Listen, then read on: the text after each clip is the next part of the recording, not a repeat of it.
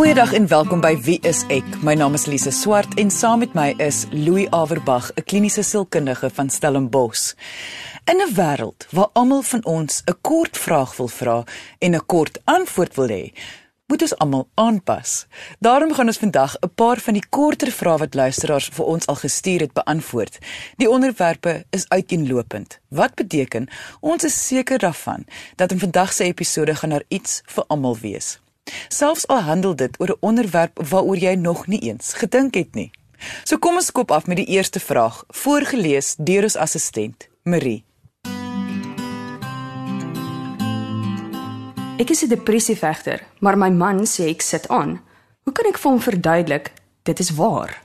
Louis, is dit nodig om hom van iets te ooreed? Want soos ons weet, wanneer iemand nie self al deur iets soos depressie is nie, dan is verstaan tog nie amper moontlik nie.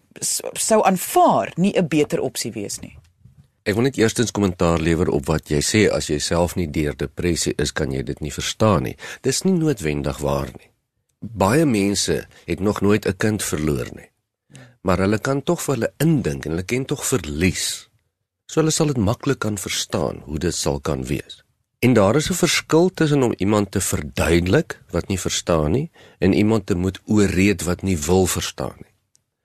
In hierdie geval klink dit vir my soos sy verduidelik, wil haar man nie verstaan nie.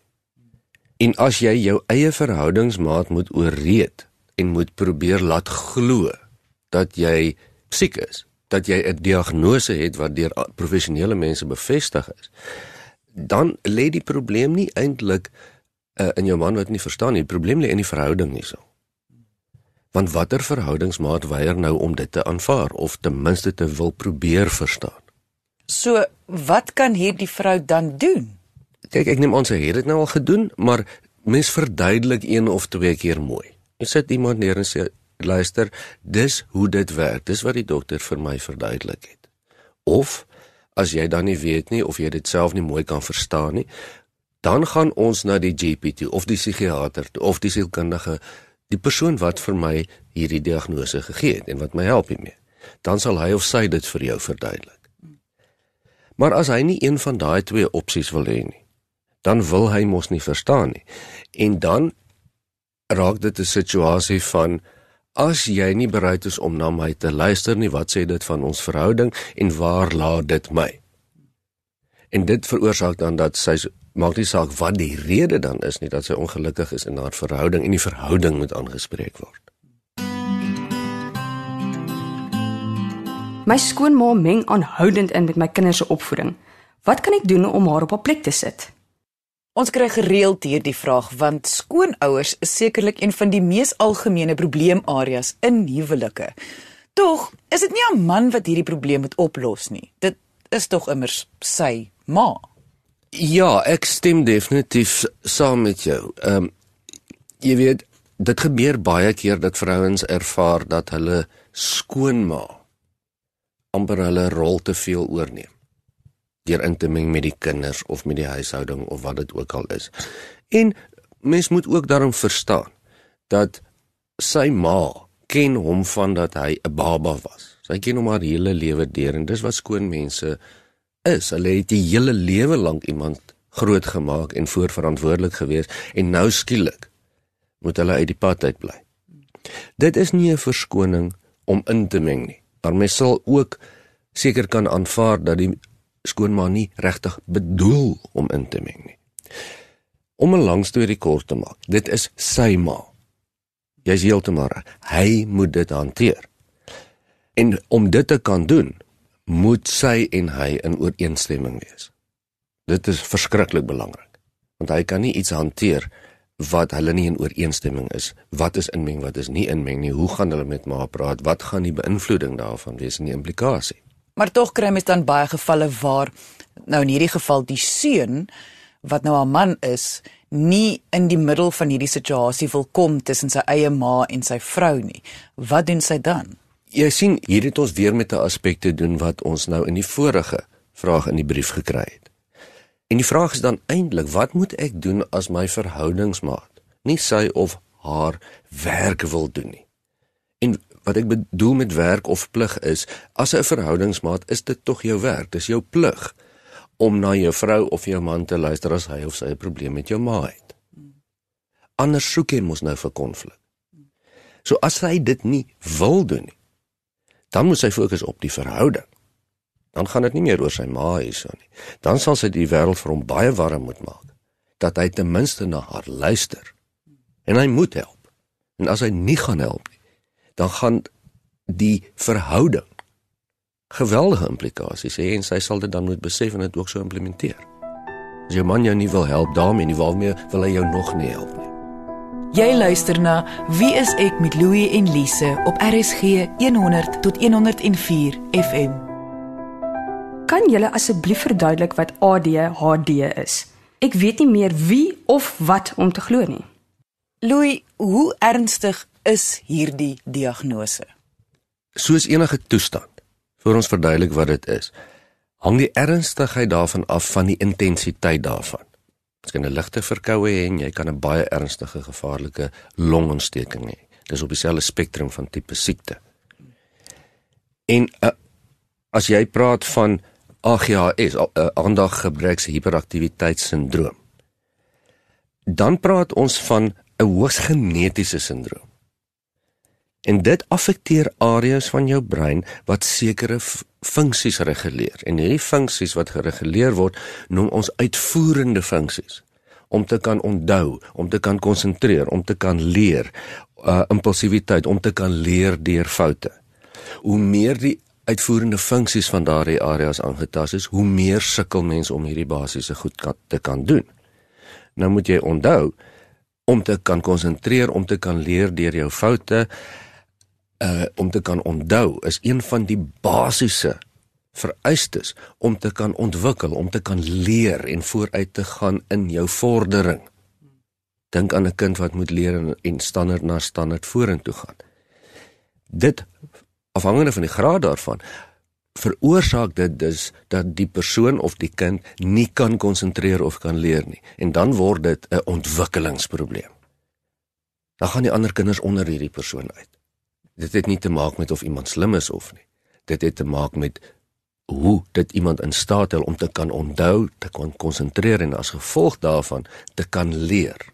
En as jy nie kan leer nie, dan bly jy agter. So wat jy sê is die algemene verstaan dat wat die meeste ouers het dat dit 'n amper wil ek sê soos 'n tipe van 'n gedragsprobleem is, is eintlik nie. Ons praat hier van 'n breinfunksionerende probleem. Ja, wat deur komplekse genetiese en chemiese faktore veroorsaak word. Dit is vir my wonderlik dat ouers dit baie ernstig vat om hul kinders nie op medikasie te wil sit nie. Dit moet tog hulle eerste instink wees. Maar wat is die voordele vir die kind om medikasie te gebruik? Konsentrasie. Dit alles gaan oor konsentrasie. Konsentrasie is die eerste stap na geheue toe. As jy nie konsentreer nie, kan jy nie iets in jou geheue sit nie. As dit nie in jou geheue is nie, kan jy dit nie herroep nie. Dit beteken jou kind wat byvoorbeeld in die klas sit, kan nie lank genoeg konsentreer om te leer dat 2 + 2 byvoorbeeld 4 is nie. Daarom gaan sy nie kan onthou dat dit 4 is nie. En daarom gaan sy dit ook nie in eksamen kan raak skryf nie en dan gaan sy nie haar standaard deurkom nie. Met al die implikasies wat daarmee gepaard gaan. Hoe is dit dat al hoe meer kinders met AGHS gediagnoseer word? Uh, is dit waar of wil dokters eintlik net geld maak deur medikasie voor te skryf? Ja, ek twyfel of dit laasgenoemde is. Daar is baie beter maniere om geld te maak, dink ek vir dokters as om medikasie vir ander gebrek uh, simptome voor te skryf. Maar daar's twee faktore wat 'n rol speel. Die eerste een is Ons moet kyk na tegnologie en mediese vordering. Ons sien baie meer raak as wat ons 20, 30 jaar terug raak gesien het, want ons het meer kennis, ons het meer hulpbronne, mediese maniere van diagnose maak as wat ons gehad het in die verlede. So dit is nie noodwendig dat daar meer gevalle van AGHS is nie. Word net meer raak gesien en omdat daar tegnologie is, kan ons met mekaar in verbinding kom, statistieke vergelyk en skielik sien ons iets mooi wat ons voorheen nie regtig mooi kon sien nie. Daar is ook 'n tweede faktor en dit is die faktor van epigenetika. wat en dis waar nuutste navorsing nou vooruitgaan wat vir ons sê, aha, soos mense se gewoontes verander. Hulle eetgewoontes, die omgewing verander. Chemiese komponente in die lug en eetstowwe, water byvoorbeeld. So word daardie boodskappe in die DNA-strukture vasgevang. En al hoe meer met moderne manier van leef, speel dit 'n rol. Wat uitgespoeg word aan die einde van van van hierdie masjien is dan mense wat sukkel om te konsentreer net soos wat ons te veel suiker eet, uh net soveel het ons 'n probleem met konsentrasie op sekere vlakke waar daar byvoorbeeld 100 jaar terug nie was nie toe suiker nog nie regtig gebruik is nie. My vrou die afgelope 2 maande 3 keer al verwys na hoe sy nie meer wil lewe nie. Ek is nie seker wat ek moet doen nie. Wanneer iemand sê hulle wil nie meer lewe nie, is dit ernstig of net iets wat mense sê wanneer hulle net keelvol is vir die lewe? Partykeer sê mense dit sommer net. En ek dink ons almal was miskien al op daai plek gewees het wat jy sê ag man, ek is so moedeloos. Ek wil sommer nie meer lewe nie. En dit is deel van 'n menslike bestaan as jy dit so een of twee maal in in 5 jaar sê en jy bedoel dit regtig. As jy dit die volgende week nog steeds voel en die week daarna nog steeds voel of sê, dan raak dit ernstig. Dan is dit eenvoudige uitdrukking van iemand wat nie meer wil leef nie. So eenvoudig is dit. So dis 'n selfdoodrisiko. So wat moet die man dan doen of enige iemand wat bewus is van iemand wat dit gereeld sê? jy kry die persoon by 'n professionele persoon uit. So gous moontlik of afhangende van die omstandighede by 'n beraader, 'n maatskaplike werker, by die dominee uit, by iemand wat 'n verwysingsstelsel het vir ingeval daar 'n probleem is. Natuurlik uh, uh, as jy nog direk by jou GP sal kan of 'n psigiatër kan uitkom nog makliker. En jy kan dit vir die persoon verduidelik deur te sê luister, al is dit vir my, ek kan nie saamleef met die bekommernis dat jy heeltyd sê jy wil nie meer leef nie en dat jy dan daarop aandring. Jy gaan heel waarskynlik kry dat die persoon sê ag nee man, ek speel maar net of ek bedoel dit nie regtig nie of moenie worry nie. Nee, as dit 'n gereelde ding is dan los jy dit nie. Dan dring jy maar aan daarop en en al moet jy spoeg plak of dreig, dan doen jy dit. Kom ons beweeg aan na die volgende kort vraag, voorgeles deur ons assistent Marie. 4 weke gelede is ek ontvoer, maar ek het darm ongeskend weggekom. Hoe weet ek of ek posttraumatiese stres het? Louis, na trauma, is dit normaal om sekere simptome te ervaar. So kan jy net vir ons onderskei wat is en verskoon nou maar die woord, maar wat is normaal om te ervaar en wat is nie? Na so 'n insident wat lewensgevaarlik kan wees, is dit eintlik heel normaal vir jou liggaam om in 'n skokreaksie in te gaan. Veral vir die eerste, kom ons sê 2 tot 3 weke kan dit baie intens wees. En as ek praat van skokreaksie, bedoel ek dat jy sal sukkel om te slaap, uh, jy's gespanne, sweterig, bangerig en dis al jou liggaam wat dit wat dit dan doen skrikreaksies en dan terugflitsse. Terugflitsse wat in jou kop inspring van hoe dit als gebeur het. En as die terugflitsse dan in jou kop kom, dat dit jou ontstel soos wat dit jou ontstel het toe dit gebeur het. Dis nie net 'n gewone geheue nie. En dit is jou liggaam se manier om in 'n veg of vlug in te gaan en jou dan gereed te hou vir 'n paar dae of weke dat jy gereed moet wees in geval daar weer iets gebeur. Mm. Dis maar 'n natuurlike reaksie. Waar dit, kom ons noem dit nou maar abnormaal raak, is as jy hierna 4, 5 weke nog steeds so voel en waar jou terugflitsse nie weggaan en terugflitsse is een van die belangrikste kernsimptome van posttraumatiese stres. As jy oor 6 maande nog terugflitsse het wat in jou kop inspring, en dit ontstel jou. Dan is dit abnormaal. Dan sit jy met posttraumatiese stres. Goed, so posttraumatiese stres is ernstig. So ek moet vra wanneer iemand dan nou na kom ons sê nou 4 na 6 weke besef hulle simptome gaan nie weg nie, hierdie terugflitsse of word inderdaad erger, moet hulle maar net uithou? Ek bedoel sal dit van self weggaan of moet hulle hulp kry? Die oomblik as jou terugflitsse daar is, en dit bly daar maand in en maand uit of selfs net na 'n paar weke dan is dit jou verseker teken dat jy moet hulp kry. Die rede daarvoor is dat simptome van posttraumatiese stres baie soos 'n vraatjie is. Dit begin en dan lyk dit maar net 'n ou knoppie op jou hand.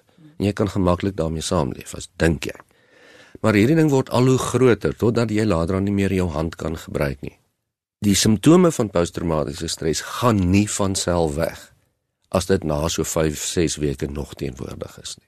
En trouens, dit kan baie erger word. Veral in posttraumatiese stres is dit die geval dat jy gewoonlik 'n sneeubal effek het. Ek sukkel lewenslank met my gewig en my man dink dit snaaks om by elke braai uit te wys hoe vet en swak ek is en dat ek nie eens kan gewig verloor nie. Dit is verskriklik. Hoekom sal hy so lelik wees met sy vrou? Besef hy nie hoe sleg hy lyk vir sy vriende nie? Kyk, ons weet nie hoekom hy so sê nie en ons weet ook nie presies of dit is hoe hy dit sê nie, nê. Nee. Dis hoe sy dit ervaar. Hoe dit ook al is, ons kan daarom eerstens aanvaar dat mense nie inherënt altyd boos is nie. Dit kan wees dat hy regtig nie besef wat hy doen nie. Hy dink dalk hy maak net 'n grapie. Kom ons neem nou maar so aan. Of dalk is hy bietjie gemeen. Iedere geval het ons dan met 'n situasie te doen wat baie in verhoudingsmaas voorkom. Die een doen iets wat die ander een nie van hou nie of seermaak of ontstel. So, die vraag is nie of hy besef hoe hy haar laat lyk vir die vriende of nie. Die die vraag is hoe gaan hy ophou om dit te doen? Want dit gaan nie daaroor of hy dit bedoel of dit nie bedoel nie. As sy nie daarvan hou nie, moet hy bloot gewoon daarmee ophou. En hoekom sal hy aanhou as hy nie daarmee hou nie? Sy sal dus begin deur mooi met hom te praat Dis tog waar mens altyd begin. En vir hom vra net om dit nie te doen nie as gevolg van wat daar redes ook al is, maar as hy dit nie wil aanvaar nie, dan dink ek dat dit nie onderhandelbaar is dat sy dit maar net kan aanvaar nie. Erns sal sy dan haar voet moet neersit en die, die verhouding baie ernstig aanspreek en amper die proses halt. Sê luister, ek praat nie weer 'n woord met jou ooit in ons hele lewe as jy nie hierdie ding nou met my opneem nie soos ek reg as ek sê weer eens met soos vraag 1 en 2, dit gaan nie daaroor dat hy grappies maak oor haar gewig nie. Hier is die vraag weer eens dan wat is verkeerd met my verhouding dat my man dink hy kan dit met my doen? Ja, as sy eenmaal met hom praat en hy sê o, ag magtig, ekskuus, ek het nie besef dat dit jou so ontstel nie, dan is dit heeltemal in die hak. As hy vir haar sê nee, jy's verkeerd. Ek is reg, ek het net maak net grappies, dit glad nie om jou seer te maak nie en jy mag nie sleg voel daaroor nie dan het ons 'n probleem met die verhouding, selfs al bedoel hy dit nie lelik nie.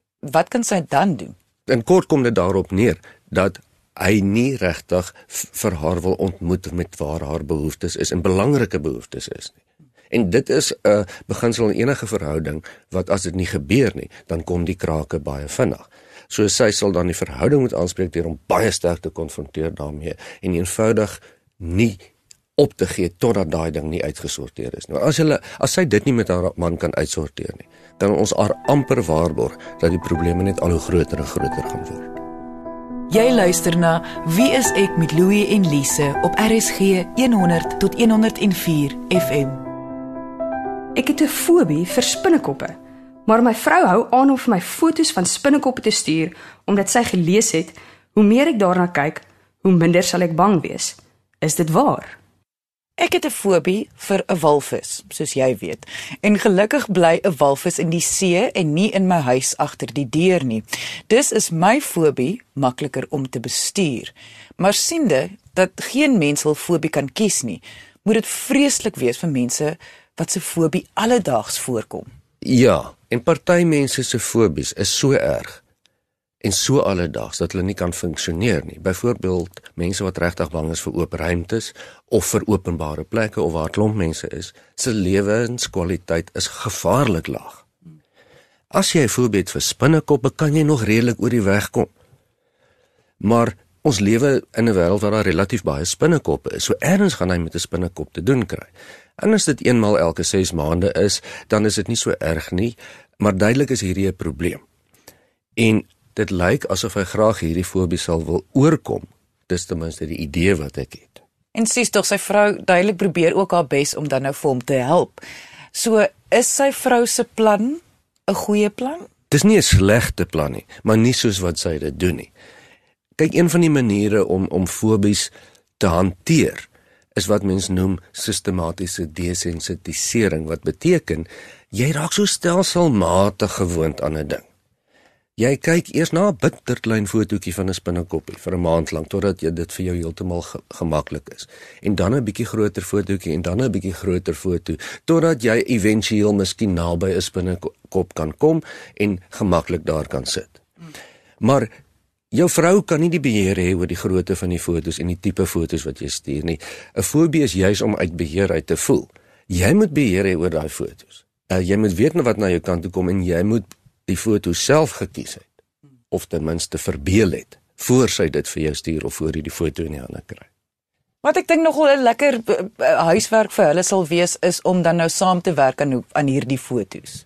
Ja, ek stem heeltemal met jou saam. Dit kan 'n lekker projek wees. Sy kan vir hom die foto stuur. Maar hy moet eers goedkeur watse tipe foto's hy gaan stuur. Hy moet vir haar sê, dit moet 'n klein enetjie wees, nie groter as dit nie en ook nou nie 'n spinnekop wat ander mense lewendig opvreet nie. So vandag het ons 'n verskeidenheid onderwerpe gedek. Indien jy meer wil weet van enige van hierdie onderwerpe, kan jy ons kontak via ons webwerf. Dit is wieisek.co.za of deur ons Facebookblad onder wieiseksa. Indien jy na enige van Wieisek se episode weer wil gaan luister, kan jy op RSG se webwerf na die potgooi luister.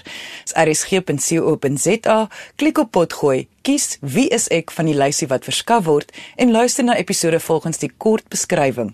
Dankie dat jy vandag ingeskakel het en moet asseblief nooit ophou om julle kort vrae in te stuur nie, want nie net gaan jy 'n antwoord kry nie, maar iemand anders kan ook baat daardeur. Jy moet 'n heerlike naweek hê he, en onthou, kyk mooi na jouself.